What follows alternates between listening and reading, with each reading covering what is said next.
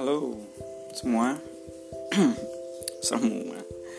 Dikira ada yang nonton kali lah.